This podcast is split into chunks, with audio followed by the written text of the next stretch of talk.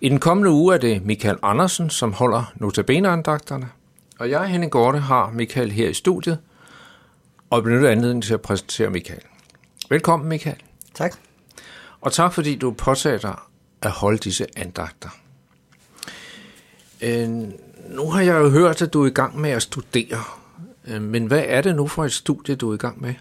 Jeg læser statskundskab her i København. Jeg er i gang med fire år øh, på statskundskab, så jeg har cirka halvandet år tilbage, så bliver ja. jeg færdig. Statskundskab. Øhm, hvordan har du fået interesse for lige at læse statskundskab? Det jeg kender dig til, der vil jeg nok gætte på, at du har læst noget andet. Men statskundskab, hvorfor det? Jamen, det bunder i en, øh, en stor interesse i det samfund, vi er en del af. Ja. Øh, på alle måder, så øh, bliver vi påvirket og påvirker det samfund, vi lever i. Ja. Øhm, og jeg ved ikke, hvad jeg vil bruge statskundskaben til, men jeg, jeg synes, det er interessant at, at lære om det her samfund og finde ud af, hvordan det egentlig fungerer, og hvem der tager de beslutninger, som påvirker os alle sammen hver dag. Og det var derfor, jeg valgte, valgte det her studie, da, Ja. jeg, da jeg valgte. Men øh, nu tager studiet jo meget tid, normalt.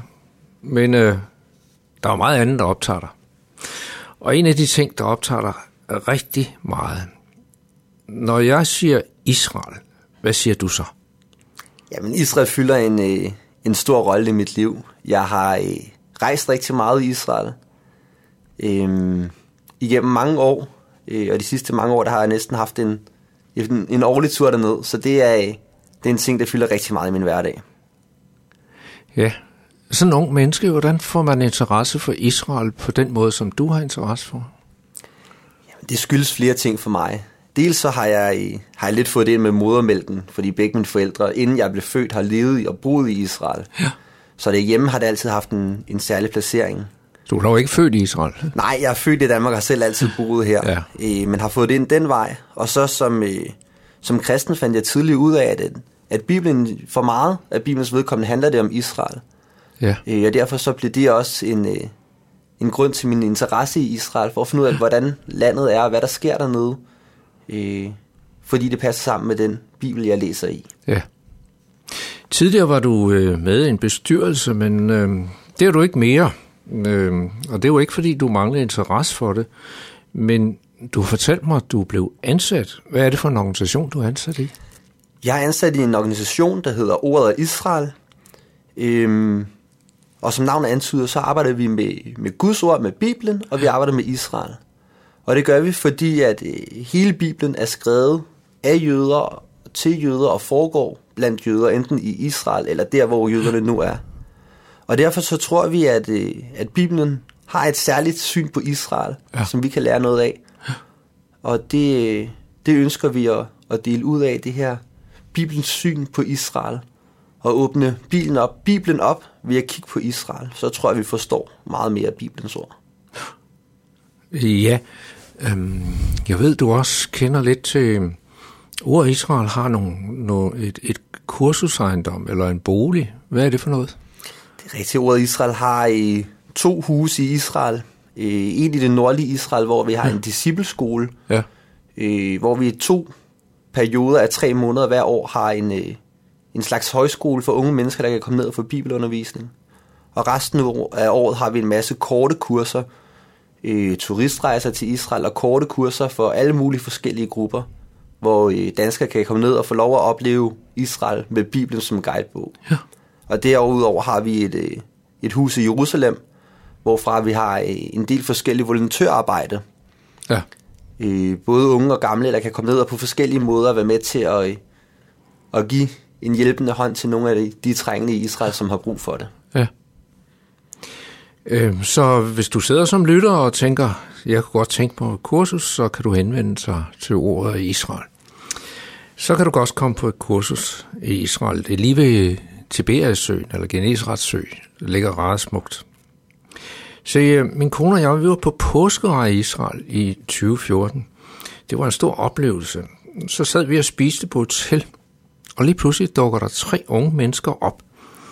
Du var den ene, og vores søn var den anden. Hvad lavede I i Israel på det tidspunkt? Jamen, øh, din søn og mig er gode venner.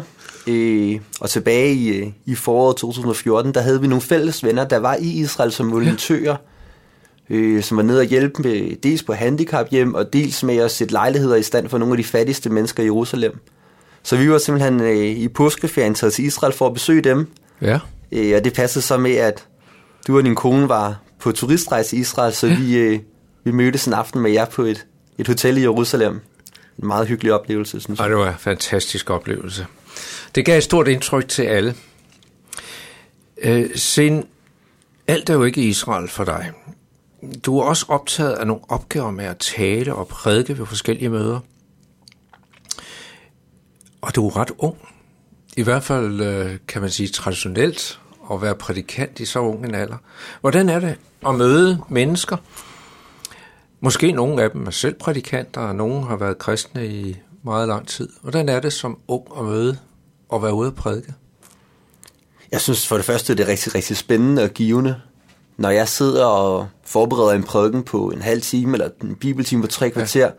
så bruger jeg rigtig mange timer på at sætte mig ind i stoffet. Øh, og det gør, at jeg selv får rigtig meget ud Ja. af det. Øhm, måske burde jeg være nervøs, når jeg gør det, fordi jeg står over for nogle mennesker, der har brugt et helt liv på at læse Bibelen. Øh, og derfor er der et, øh, et vers i Bibelen, jeg er rigtig glad for, hvor Gud siger til en profet, som ikke rigtig har lyst til at være profet, at han skal ikke være bange, fordi han er ung, men skal gå og tale Guds ord. Ja.